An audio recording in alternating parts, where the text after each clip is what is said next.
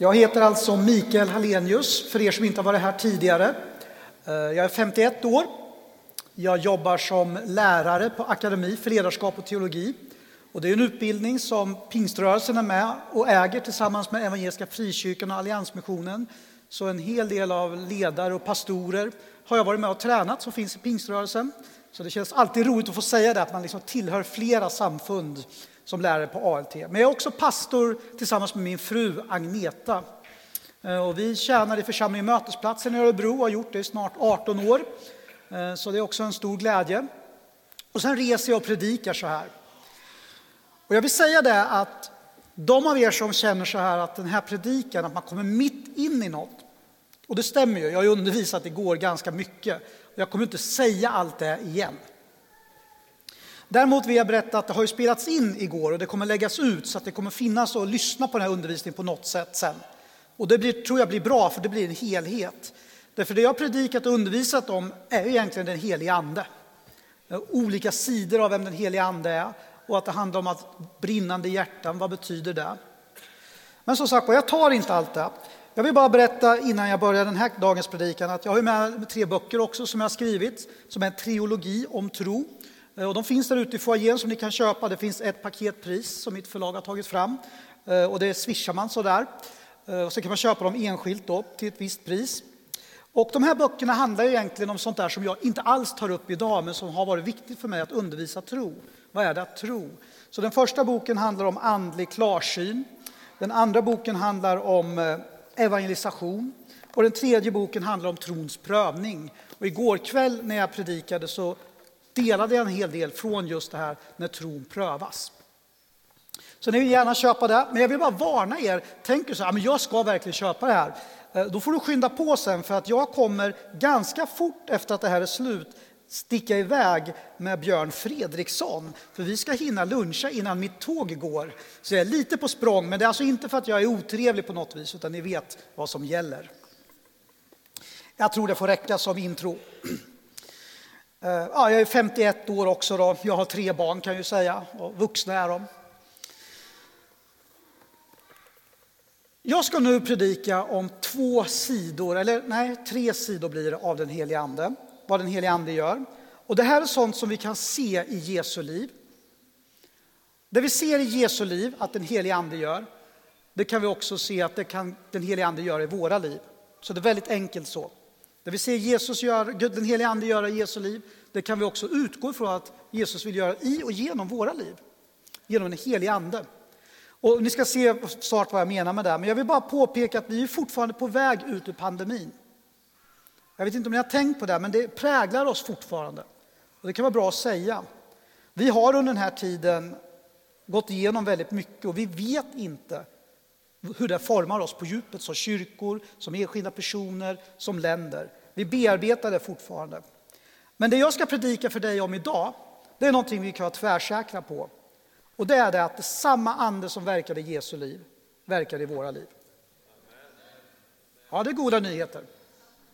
Så gå med mig till Markus evangeliets första kapitel så ska vi läsa vers 9 till och med 13.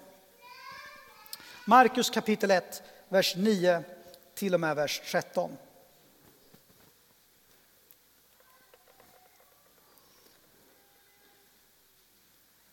Vid den tiden kom Jesus från Nasaret i Galileen och döptes i Jordan av Johannes.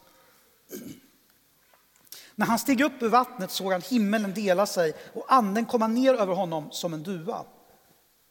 Och en röst hördes från himmelen. Du min älskade son, du min utvalda. Anden drev honom ut i öknen och han var i öknen i 40 dagar och sattes på prov av Satan. Han levde bland de vilda djuren och änglarna betjänade honom.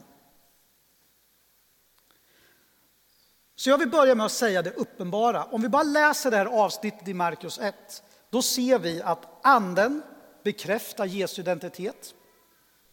Du min älskade son. Och det är vad den helige ande gör. Alltid, alltid, alltid övertygar oss om att vi är Guds älskade barn. För det andra så gör den helige ande någonting. Den driver Jesus ut i öknen, står det. Och det är också så, den helige ande driver alltid. för fram. Den helige Ande sätter oss i rörelse. Den helige Ande driver oss. Och det gjorde den helige Ande med Jesus och det gör den helige Ande med dig och mig. Och för det tredje som blir så uppenbart när man läser det här är ju att anden också leder Jesus in i en konfrontation med djävulen. Så samma ande som bekräftar barnaskapet kommer med kärlek. Samma ande som driver, sätter riktning och skjutsar ut folk i hela världen med budskapet. Samma ande gör så att de som tror, precis som Jesus, kommer att stå i konfrontation med Satan. Kände ni när jag sa det? Det blir så här, wow! Så här. Men det är ju bibliskt, det är lugnt. Du kan slappna av, det är bibliskt. Så jag ska predika om det här idag, i den här predikan, om de här tre sidorna av Andens verk. Så både den här djupa känslan av att vara helt älskad av Gud, både alltså det och drivet att vara på väg någonstans för Herren, och när man konstaterar det faktum att man möter mörka makter. De tre, det är den heliga Ande. Alltså, ska vi lära oss känna igen den heliga Andes verk i våra egna liv, i kyrkan, så behöver vi se att det som fanns i Jesu liv, det finns i våra liv. Och det där predikar jag undervisade jag ganska mycket om igår, att känna igen konturerna av den heliga Ande. Och där tror jag att många av oss är på en resa att lära oss bara helt enkelt mer. Så låt oss titta på det här i tur och ordning. För det första, den här djupa känslan av att vara Guds barn. Jag vet inte hur många kristna jag har pratat med som har varit kristna hela sitt liv, som inte vet om de är frälsta, som inte vet om Gud älskar dem, som tvivlar på att de har en plats i kyrkan. Och kanske är du här idag som känner precis så. Du känner dig utanför, du känner dig missförstådd, du, du, vet inte om du är Guds barn. Eller också vet du att du har gjort så mycket grejer så du undrar, kan en förälder i himmelen älska mig? Och svaret är att genom den helige Ande så kan du bli övertygad om att så är det. För Guds ande kommer att ropa i vår ande till Gud, pappa. Ett tryggt barn vet att föräldern älskar. Ett tryggt barn vet att föräldern finns där. För många år sedan när ett av mina barn var precis gick på dagis, jag hade varit och handlat med den här ungen, går vi upp för trapporna i eh, våran, eh, till vår lägenhet i Borlänge. Sex halvtrappor. Två stycken kassar hade jag. Det var fredagstacosgrejerna i. När vi kommer upp till nästan högst upp i trapporna, då får mitt barn för sig att han ska testa en grej. Han har aldrig gjort det här, men han tycker att det är dags nu. Han kastar sig handlöst bakåt och skriker ta emot pappa. Och eftersom jag är en god förälder släpper jag båda kassarna, kastar mig som en handbollsmålvakt och tar hans huvud först. För jag tänkte, den får ju inte slå i liksom stentrappan. Och när vi har rullat runt och kommit ner och jag har hört hur glasburkar och sånt har krossats eh, och jag ligger där nere i trappen med min son så tittar han på mig och så säger han, jag visste att du skulle ta emot mig.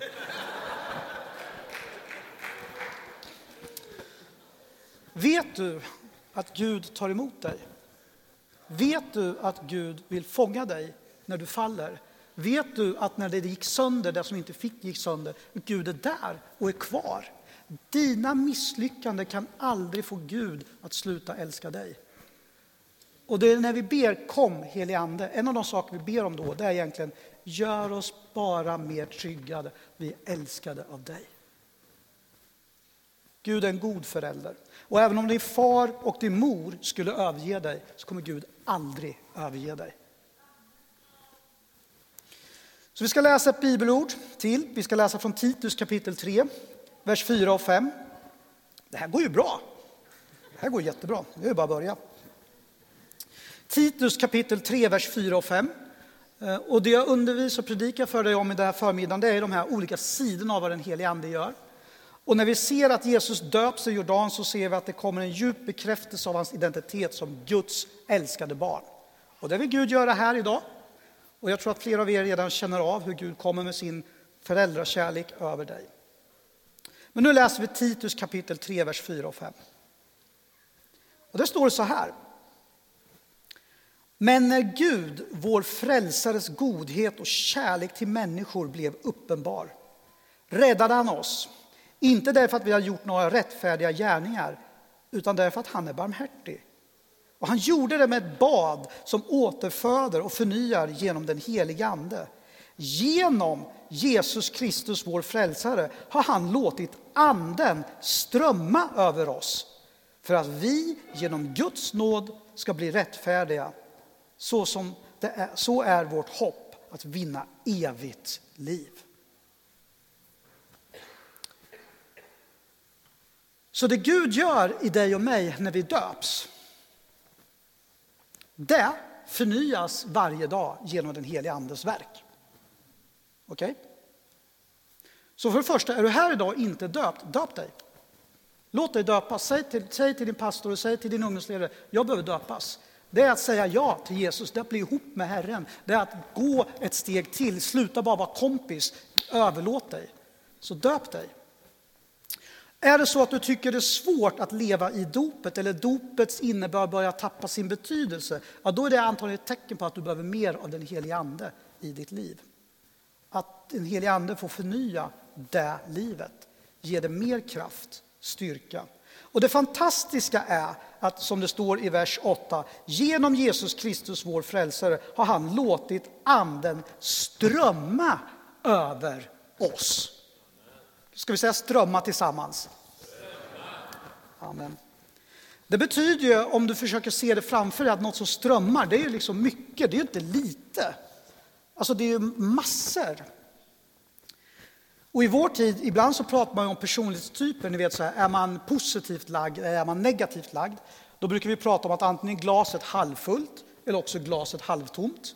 Ni, ni kan ju det här, eller hur? Då är man positiv eller negativ. Ur ett bibliskt perspektiv är det fel på det där. Därför vi har fått en bägare som flödar över.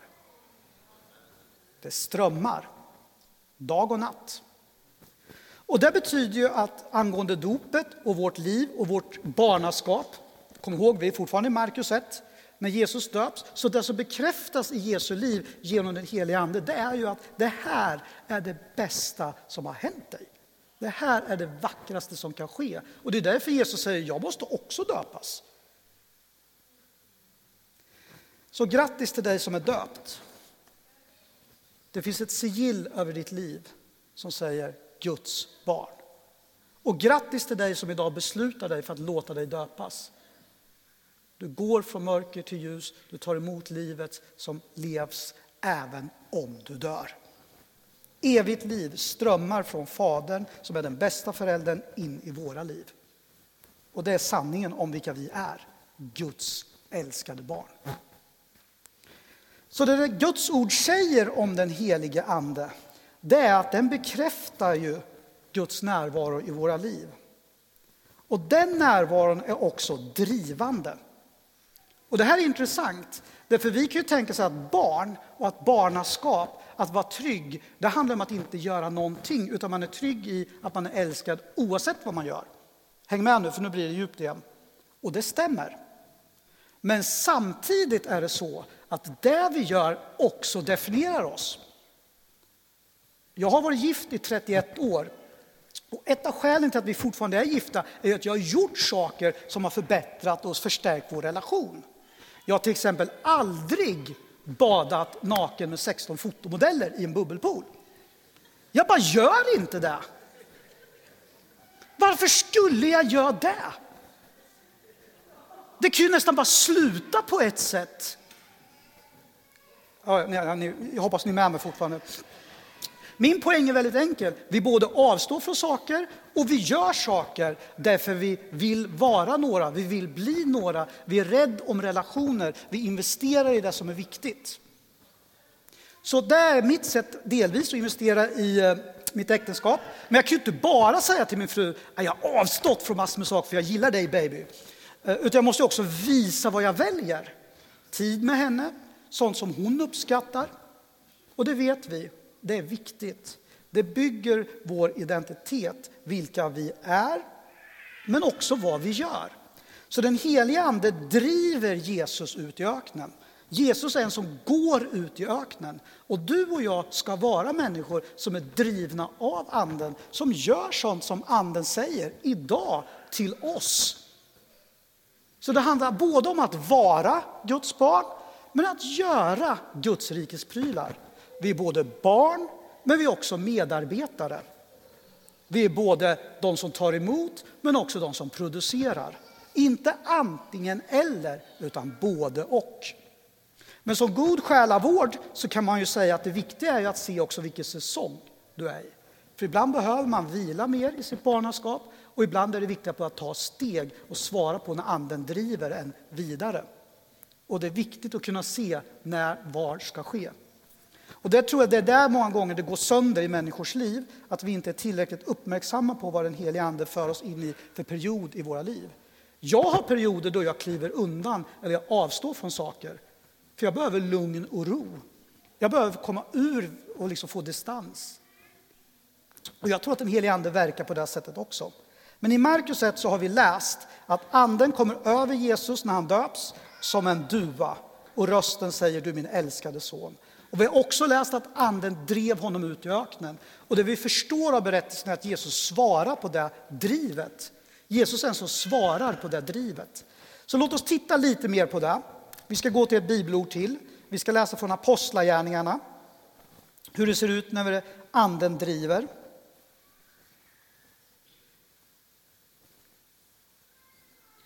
Ska bara se så att jag hittar rätt ställe.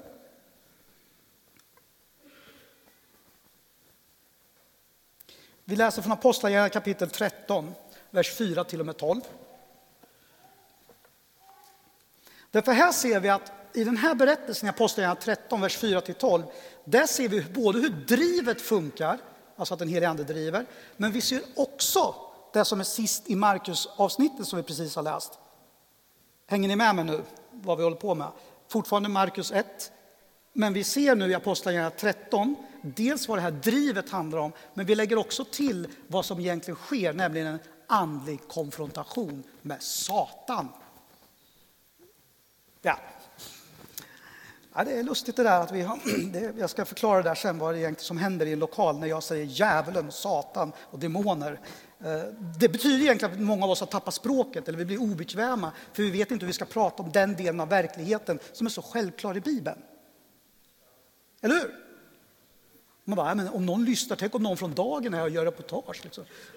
Vad kommer de tro om den här kyrkan? Ja, förhoppningsvis att den är biblisk. Ja, då läser vi Apostlagärningarna 13, vers 4 till och med 12.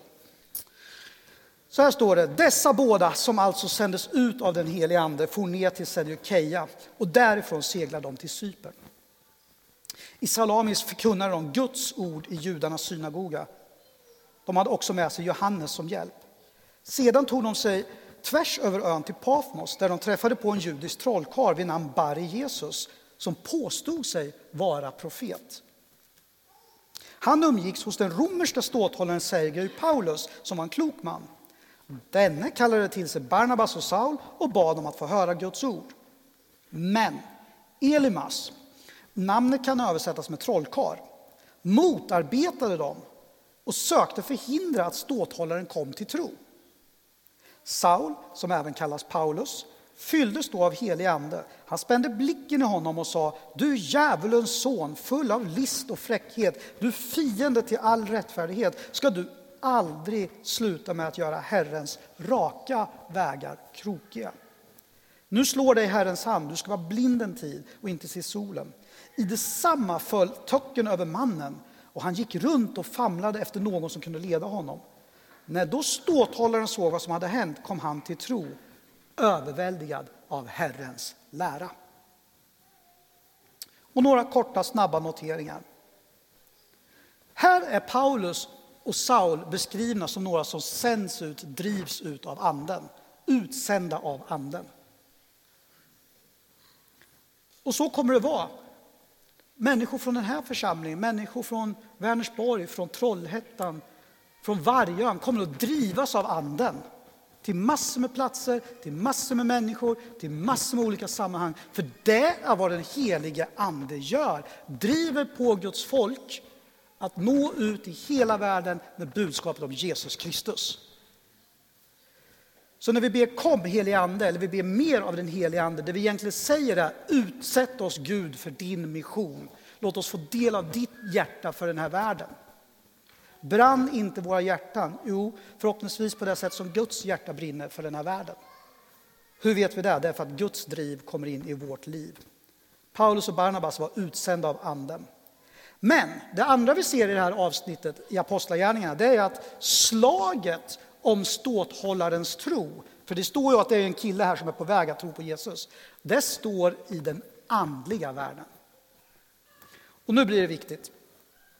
Därför vi har, många av oss som är kristna idag i västvärlden, i Sverige, och USA och England, i västvärlden egentligen, eh, från 1700-1600-talet och framåt har vi vant oss vid en tvådimensionell världsbild. Man kan ha en tro på Gud och så finns människan här. Och det fattar alla. Men så fort man börjar tala om den tredje dimensionen eller mellandimensionen, alltså det andliga, då blir det jättesvårt. Därför att man kan säga lite enkelt att västvärlden fick för sig att det gick att exkludera eller avskaffa mitten. Gud kan man fortfarande tro på. Och det klassiska upplysningsfilosofi det är ju att man beskriver Gud som urmakaren som sätter igång allt och sen drar sig tillbaks.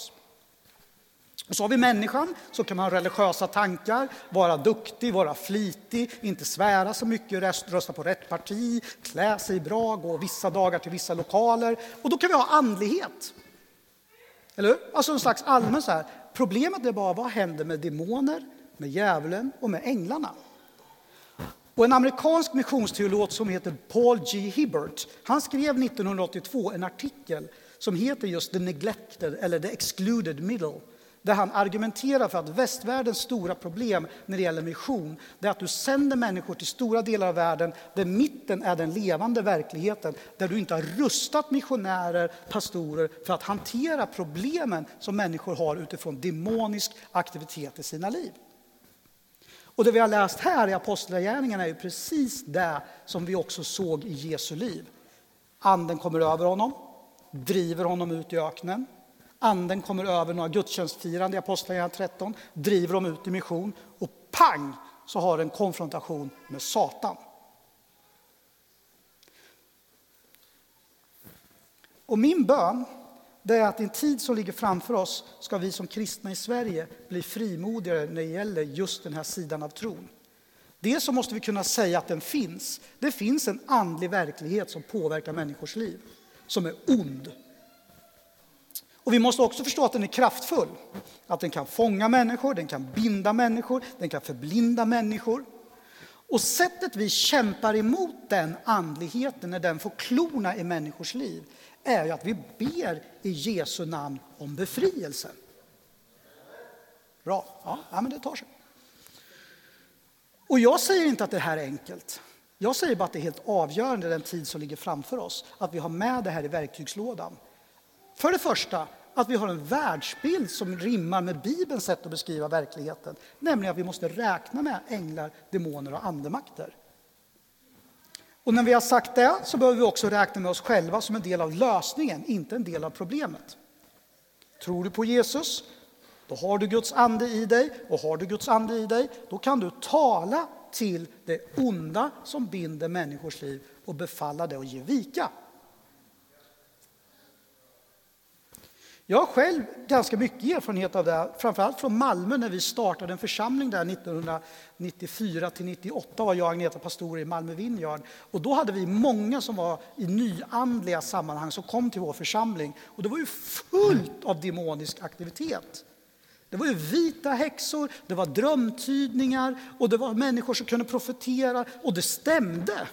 Alltså det var rätt. Men det kom från fel källa, det skapade fruktan och det band. Och ni vet ju som jag att det är stort intresse idag för det nyandliga och det okulta. Det bara ökar ju. Så det troliga är att vi har ett stort område här som vi som kyrka behöver hantera de närmsta åren. Och min bön är att när vi ber kom helige Ande, att vi också ska se och förstå att det är det här den helige Ande sänder oss in i att också göra. Så låt mig då säga att jag vet att det har missbrukats. Talet om demonutdrivning och andemakter har missbrukats. Jag vet det. Eh, jag hade en man som kom till mig för han ville prata med mig om han trodde att hans fru hade en demon och ville, han ville att jag skulle säga något. Så jag sa, men berätta lite vad det är. Och då var det, det att hon klagade på honom oftast. Så han bara, har hon en grälsjukedemon? sa han. Det här har alltså hänt. Och jag, och jag sa till honom, så här, jag är ganska mjuk och inkännande, så jag sa, det kan ju också vara du är dum i huvudet, sa jag. Alltså vi behöver ju inte ta sånt, eller hur? Vi behöver inte liksom skylla på att vi missar bussen och så bara, det är en demon. Så här, det, det, är bara löjligt, eller hur? Det, får ju, det kan vi inte hålla på med. Men vi kan heller inte bortse från att det finns en ond andlig makt som verkar dag och natt för att göra Herrens raka vägar krokiga. Och vårt respons på det, det är ju att ta fighten i bön.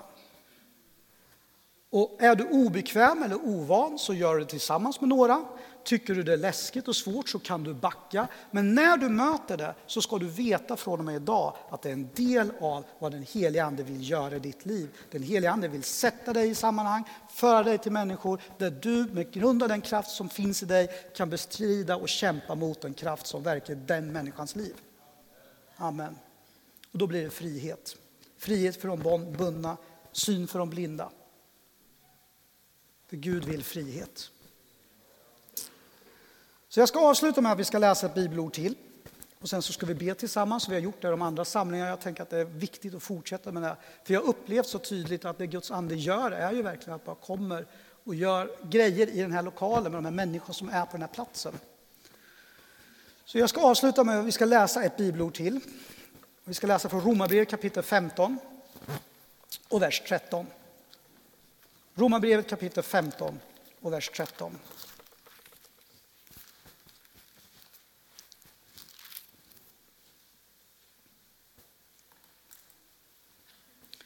Och jag tänker att det här är lite av min avslutning och det jag vill skicka med er till sist.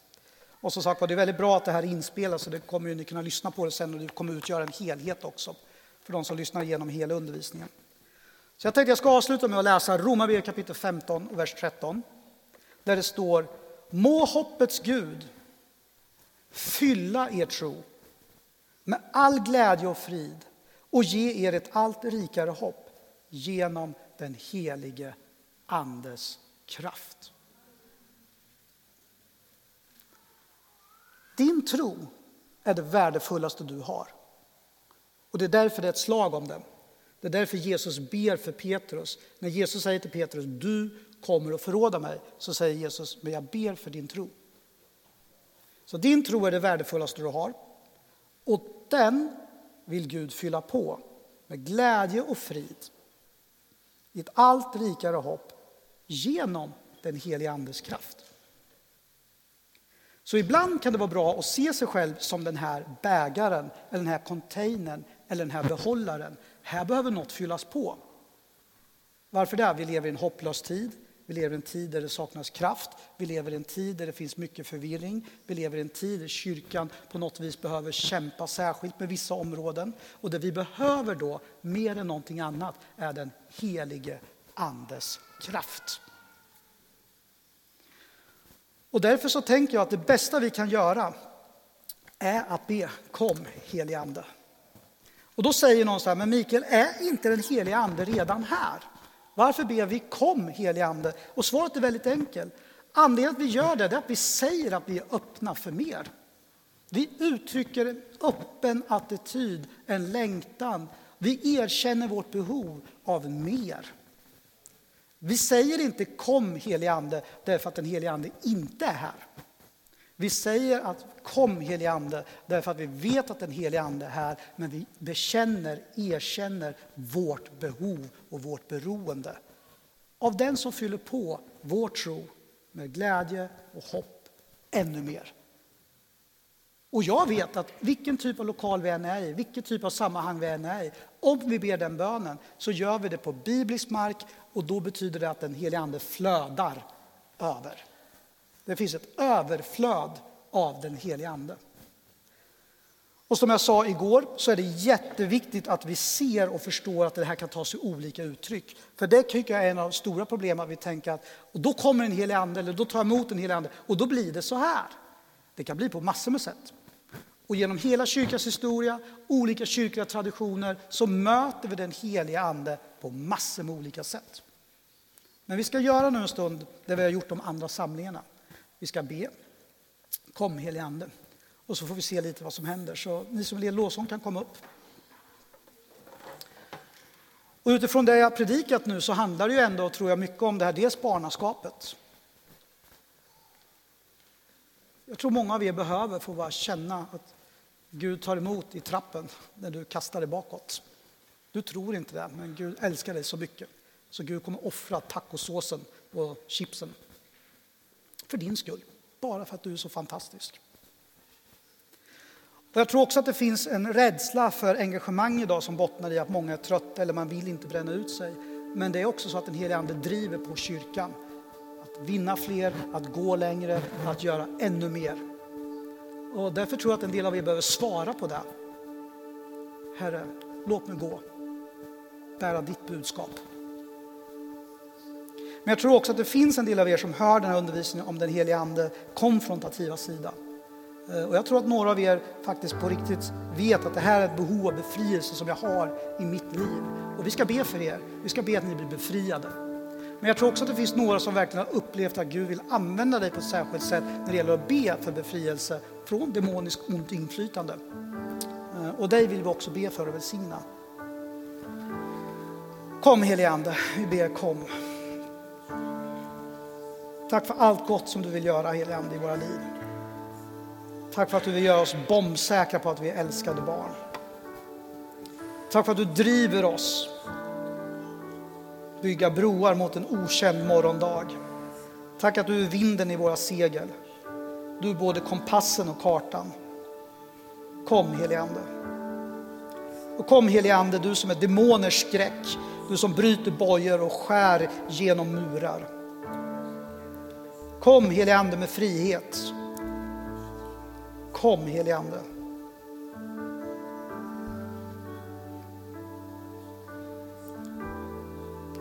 Jag tackar för heliga beslut som ska fattas den här förmiddagen. Att gå dit riktningen leder. Att följa vinden dit den blåser. Och att böja sig inför en Gud som är helig.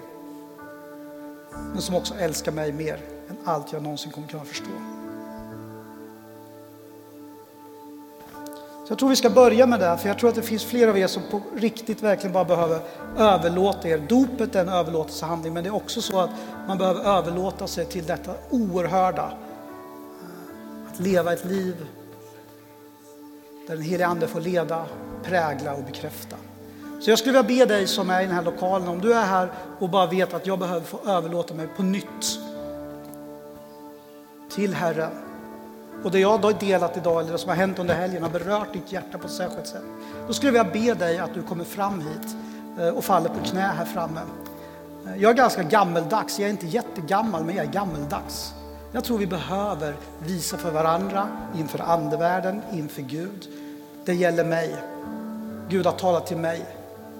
Och jag behöver mer. Och jag vill ha mer. Så på ett väldigt enkelt sätt vill jag bara inbjuda dig, också om du är här idag som inte är döpt eller inte tror på Jesus, att komma fram hit och falla på knä.